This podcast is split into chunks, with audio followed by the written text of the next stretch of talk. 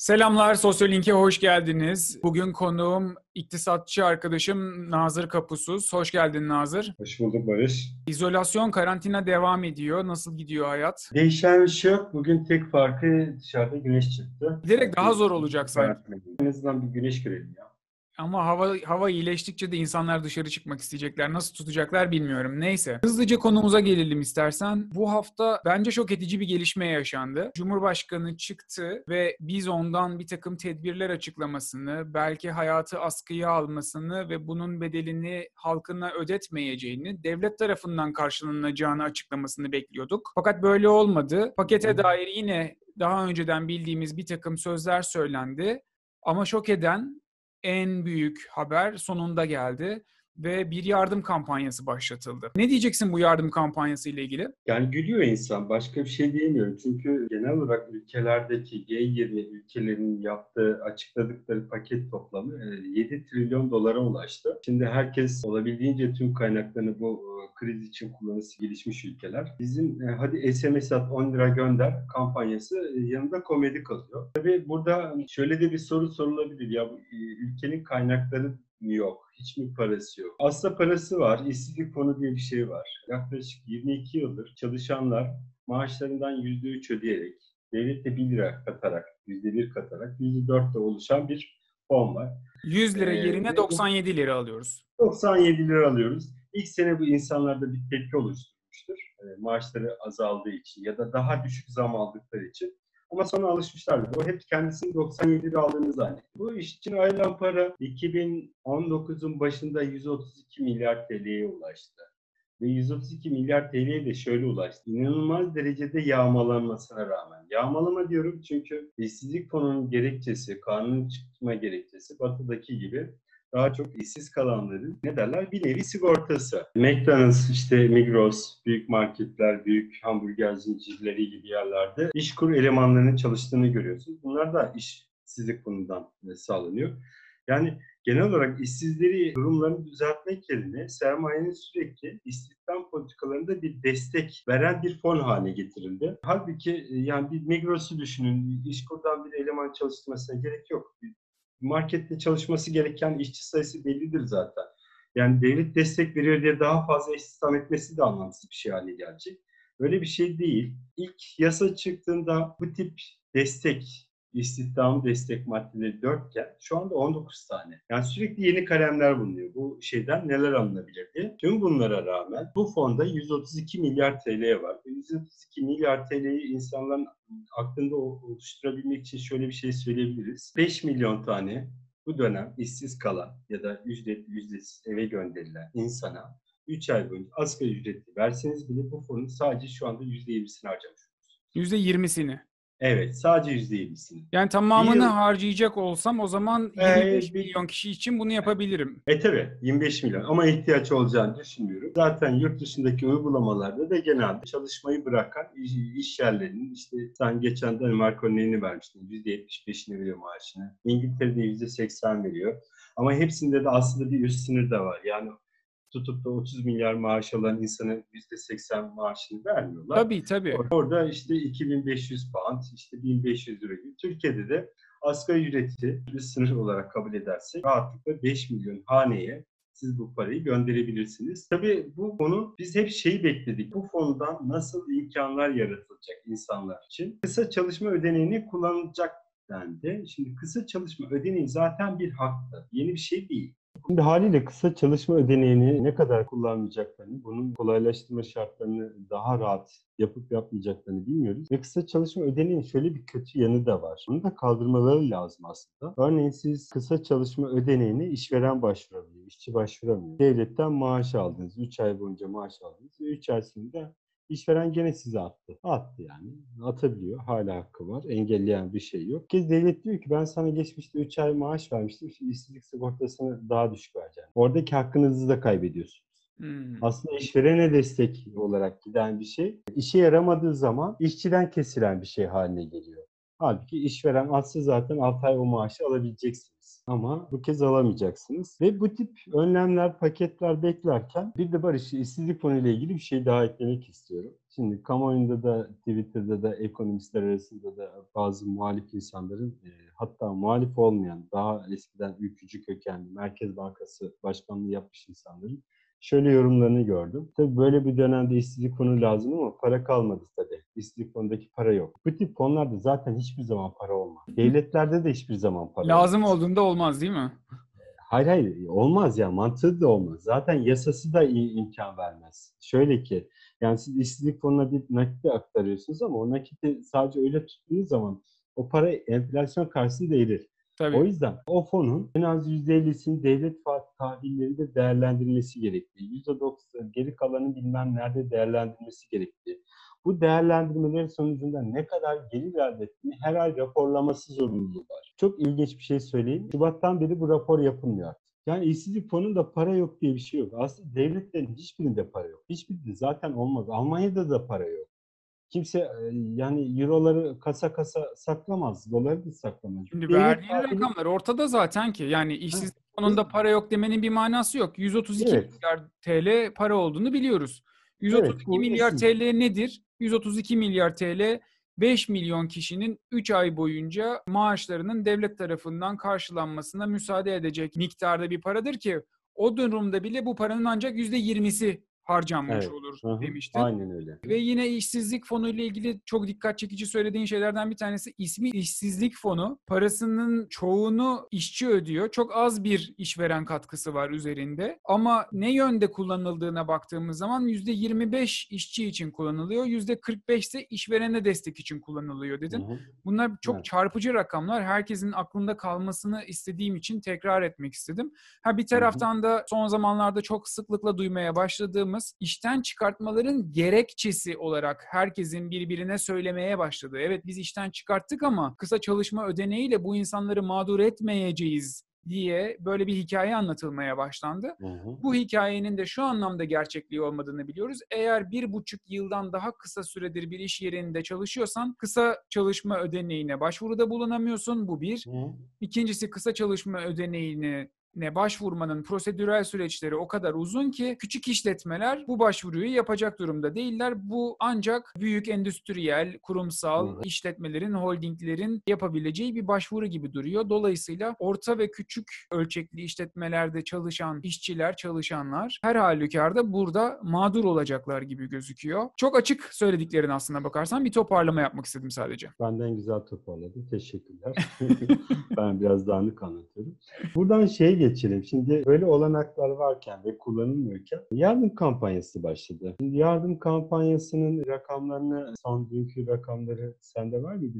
Bir Görsel galiba. Var. Ekranda paylaşıyorum. Kampanya biz bize yeteriz Türkiye'm diye başlamıştı. Ben onu biz bize yeter miyiz Türkiye'm diye ufak bir revizyona uğrattım. Hı hı. Biliyorsun kampanyanın başladığı anda Cumhurbaşkanı Erdoğan 7 aylık maaşını kampanyaya bağışladığını açıklamıştı. Minnettarız Barış bir kendisine. soru soracağım. Niye 7 ay? Hiçbir fikrim yok. Ben sadece zaman şeyi iki biliyorum. değil. Kurbanda büyükbaş hayvan için 7 ortağa kadar çıkılabiliyor diye biliyorum. Evet. Onunla bir ilgisi Ya o da olabilir. belki. Bakanların ne kadar? 6 ay. Öyle mi? Evet. Aa bir ay daha fazla vermeli gibi bir şey oldu. Aslında milletvekilleri, bakanlar herkes 6 ay bağışlıyor. Cumhurbaşkanı 7 ay yaparak bir farkını ortaya koymuş. Teşekkür ediyoruz. İlginç evet. Sonrasında da 2 Nisan sabahı itibariyle rakamlar bu şekilde kampanyada toplam 2 milyonun üzerinde SMS atıldığını görüyoruz. Hı hı. Ve toplanan bağış miktarı da 850 milyon TL'ye yaklaşmış durumda. Tamam, Ee, ilk önce bu rakamlardan bahsedelim. Sonra da hemen Evet. ekranın sağında gördüğünüz en Hı hı. yüksek bağışçılardan da tek tek bir üstünden geçelim bakalım bunları. Şimdi 850 milyon TL'den başlayalım. 850 milyon TL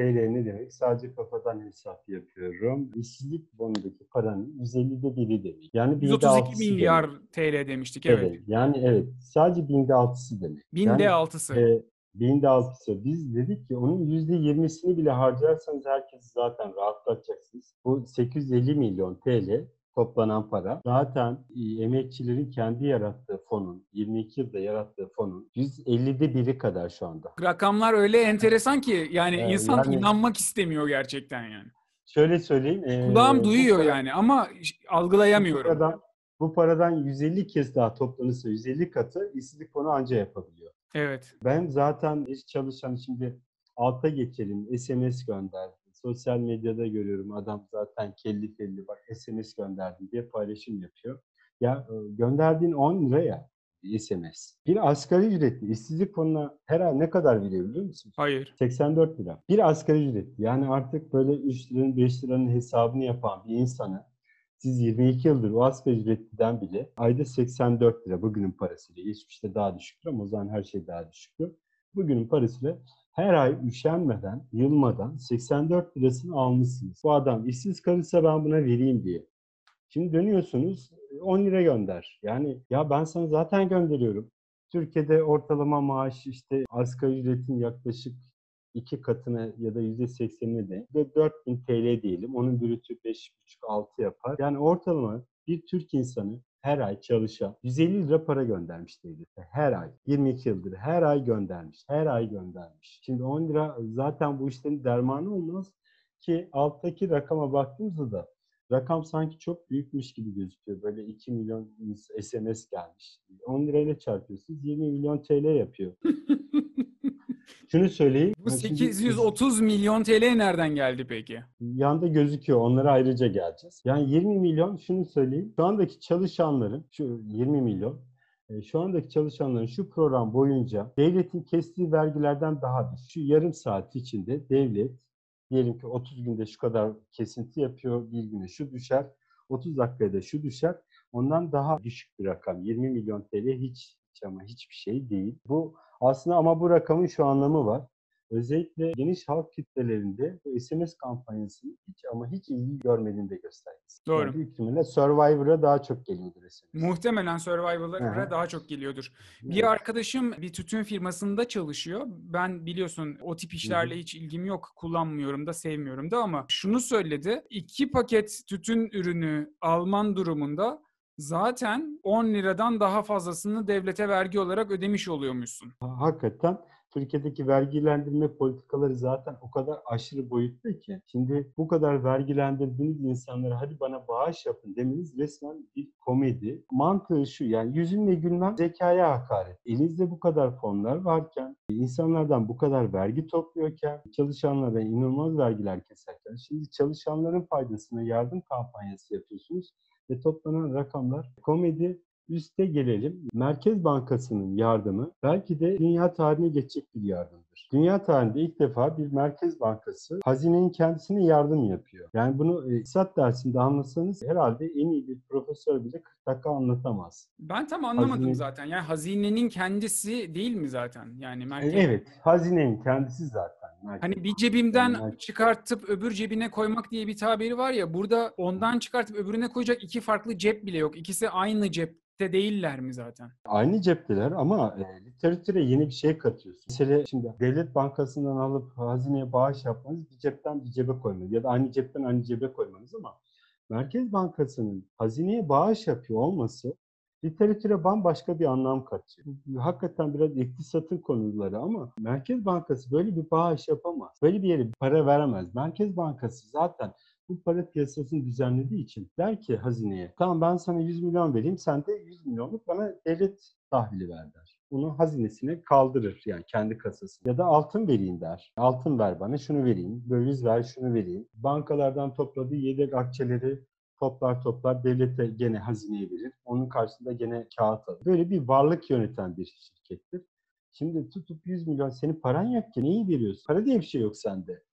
Basacak anlatabiliyor belki. Tamam da onu da hazine adına basacak. Kendisi basamaz ki. Yani Merkez Bankası aslında kendi kendine bir varlık değil. Bazı şeyler yanlış kullanıldığı için yani hakikaten çok iyi iktisatçılar bile çok yanlış kullanıyor bu tabirleri. Örneğin Merkez Bankası'nın ihtiyat akçeleri vardı. Hazineye aktarıldı dendi buna. İşte bu bizim kefen paramızdı nasıl aktarılır? Bu kara gün paramızdı.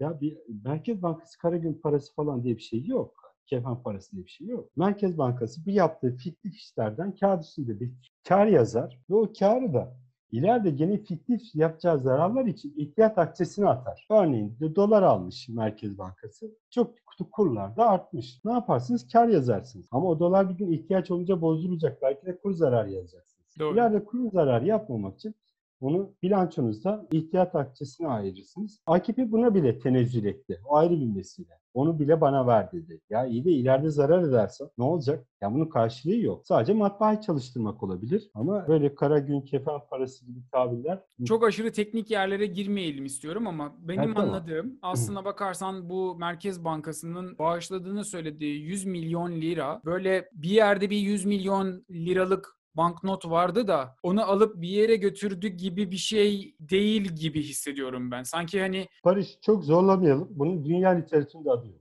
değil mi? Yani tanımlayamıyoruz Yok, yani. yok. Ne olduğunu Yani anlayamıyoruz. Merkez Bankası'nın hazineye 100 milyarlık ya da bir tutar bağış yapma gibi tanımlamaya yok. Yani ihtiyacı mesela şöyle bir şey var. Yani Ben olsam madem böyle bir olanak var.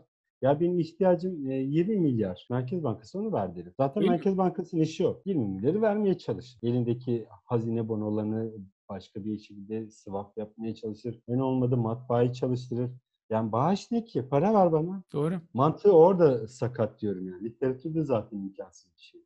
Doğru. Peki ikinci en yüksek bağışı yapan kuruma geçelim. Ziraat Bankası. Aslında bunu galiba bir paket olarak da ele alabiliriz. Çünkü üç tane Alabiliriz, büyük tabii. devlet bankası var. Bunlardan birincisi Aynen. Ziraat Bankası. 62 milyon 300 bin TL bağışta bulunduğunu açıkladı Ziraat Bankası. Hemen arkasından Halkbank geliyor. Halkbank da 56 milyon TL destekte bulunduğunu açıkladı. Vakıfbank'ta da enteresan bir şey var. İlk önce Vakıfbank 50 milyon lira destek açıkladı. Arkasından da vakıf katılım herhalde eksik bulundu 50 milyon. 5 milyon da o açıkladı. Hı hı. Toplamda 55 milyon da Vakıfbank bünyesinden bağışlandı diyebiliriz. Bu devlet bankalarının toplamda yaptığı yaklaşık 115-120 milyonluk bağışa ne diyeceğiz peki? Devlet bankaları burada güzel bir örnek. Bu evet bu bir cepten bir cebe almak ama devlet bankaları e, bu cep yani verdiği cebe aslında başka bir yerden para aldı daha önce. Çok bolca.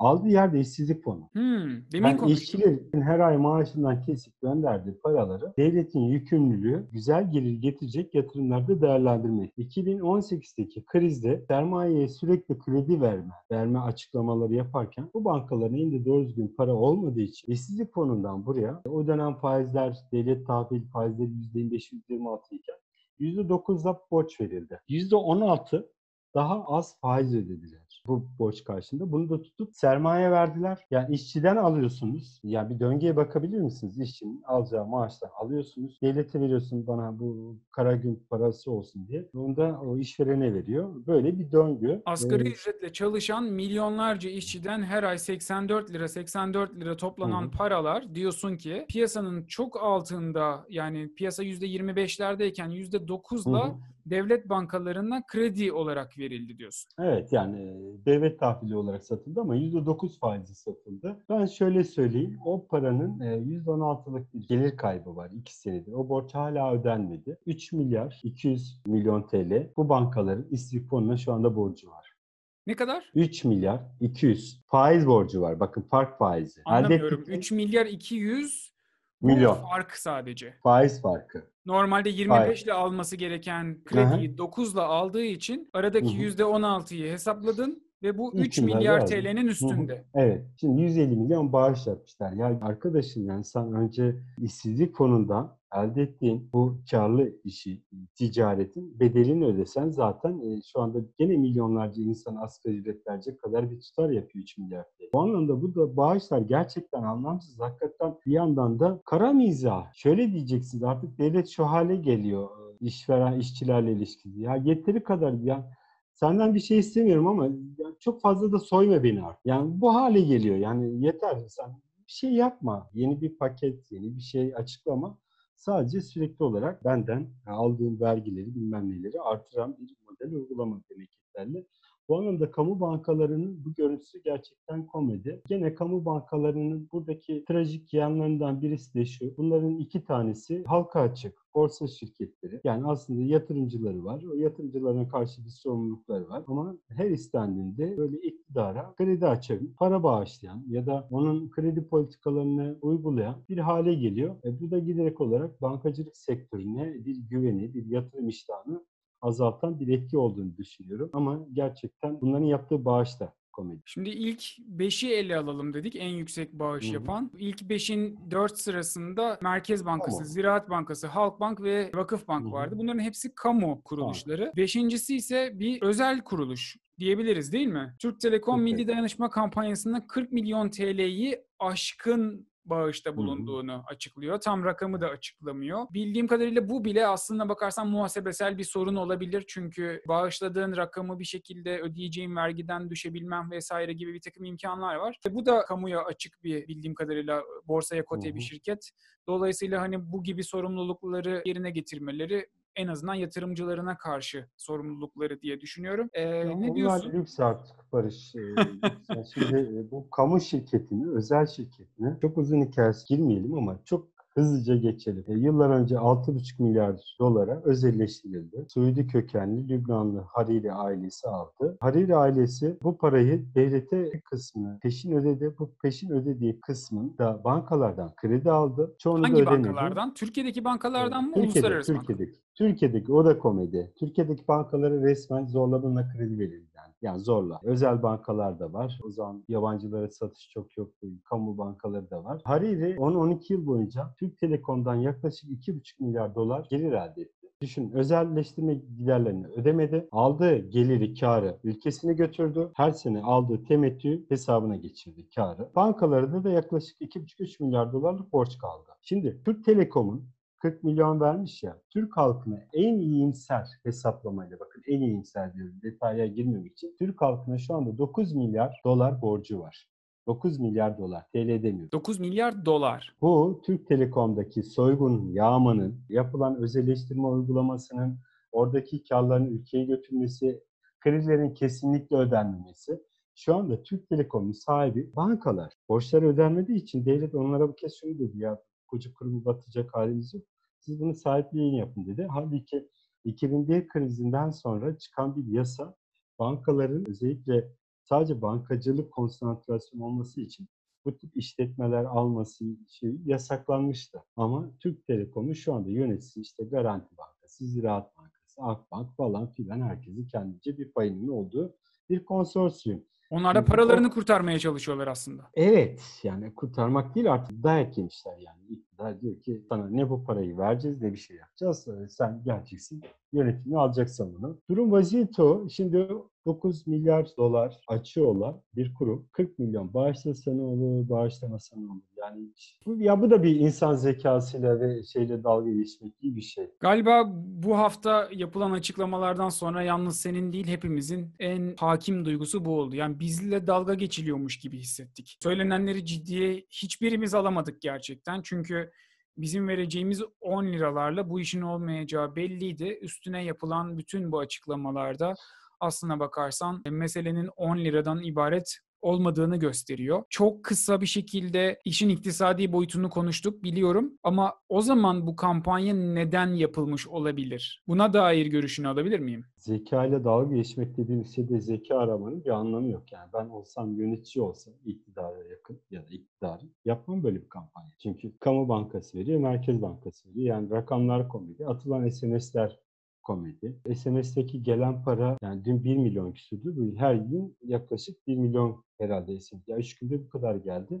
E, sarayın harcaması bile değil. Günlük harcalamasına bile yetişemiyor. Para gene kendisinden geliyor. Görüyoruz ağırlık orada, konsantrasyon orada. Şimdi keşke 3 milyar TL topladık deselerdi. Merkez Bankası 2,5 milyar bağışladı deseydi falan. Yani En- engel yok ki de istersen 5 milyar bağışla. Haliyle e, burada bir zeka arayamıyoruz. Tamam Bunu akıl edenlerin niye akıl ettiğini merak ediyorum. Yani. Niye- Benim bir teorim var. Ben bunun bir şekilde aşağıda bir toplaşma yaratmak için, bir ortaklaşma duygusu yaratmak için icat edildiğini, ortada bir kriz var. Bu krize hepimiz 10 liralık da olsa bir katkıda bulunup aslında devletimizle, birbirimizle dayanışıyoruz duygusunu yaratmak için icat edildiğini düşünüyorum. Herhangi bir ekonomik karşılığı asla olmayacağını seninle yaptığımız sohbetin tamamı Hı hı. zaten açık bir şekilde ortaya koyuyor. Bu şekilde krizle de herhangi başka bir şeyle de baş etmenin imkanı yok. Bu paralar devletin imkanlarıyla kıyaslanıldığı zaman devede kulak gerçekten hiçbir şey, hiçbir kıymeti harbiyesi yok. Ama bu gibi kampanyaların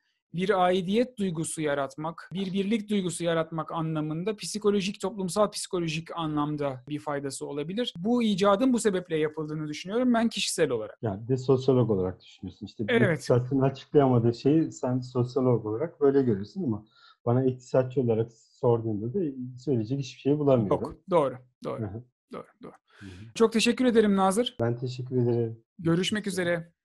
Hoşça kal.